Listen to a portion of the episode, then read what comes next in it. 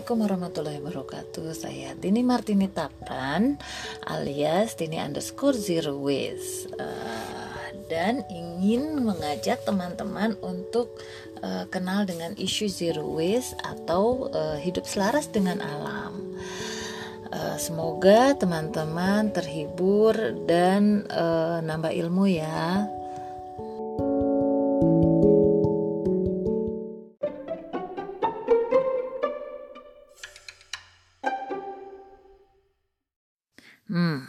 sekarang kita akan bercerita tentang ke mana sampah pergi setelah kita mengetahui dari mana sampah berasal.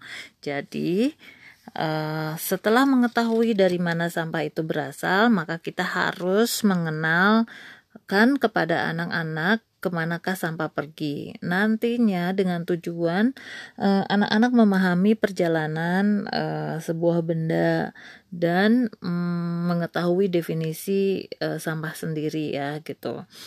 Uh, ya kembalilah ya bahwa tujuan dari semua modul ini adalah ingin bahwa anak-anak punya kesadaran tentang uh, sampah di sekitarnya dengan cara yang setelah anak mengerti uh, per, apa um, dari mana sampah berasal maka hari ini di modul yang kedua anak-anak perlu mengetahui perjalanan pengelolaan sampah yang mereka hasilkan dari rumah.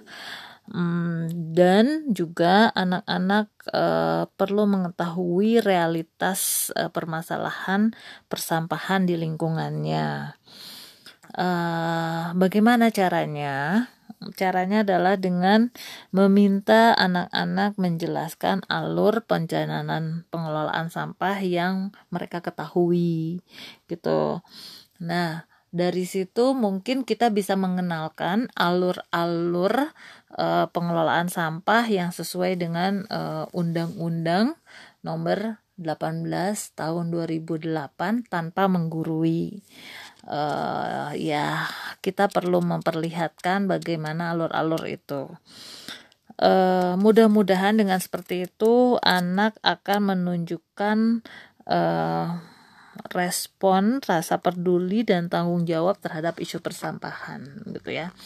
Uh, di sini juga akan dibangun rasa empati anak pada petugas persampahan.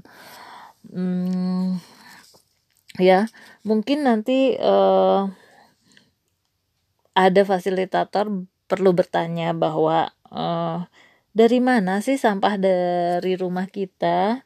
Uh, itu dibawa oleh siapa? Siapa yang dibawa oleh siapa? Dan ke mana sampah itu pergi gitu ya. Uh, mana saja tempat yang dia lewati di mana akhirnya dan berapa lama prosesnya Kemudian hmm, ya kita juga perlu uh, mengajak mereka uh, mengenal um, kendala dalam proses perjalanan sampah.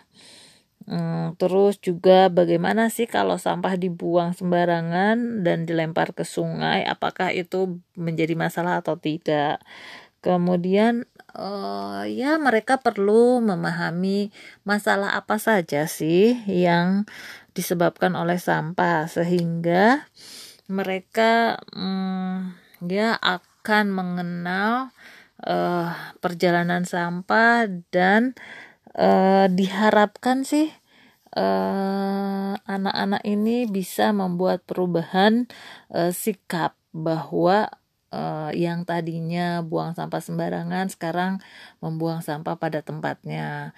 Yang membuang sampah pada tempatnya sekarang menjadi me memisahkan sampah. Artinya uh, jika ada tempat sampah organik dan anorganik, tentu saja mereka paham ke mana harus uh, mereka ini ya.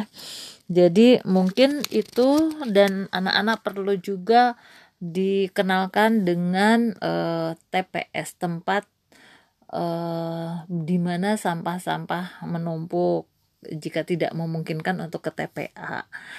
Uh, eh, dengan seperti itu, anak akan mengenal uh, realitas pengelolaan sampah yang ada, sehingga mereka uh, bisa memahami um, bahwa hmm, semakin banyak sampah yang mereka uh, hasilkan atau yang kita hasilkan akan semakin uh, banyak tumpukan sampah yang ada di TPS atau TPA.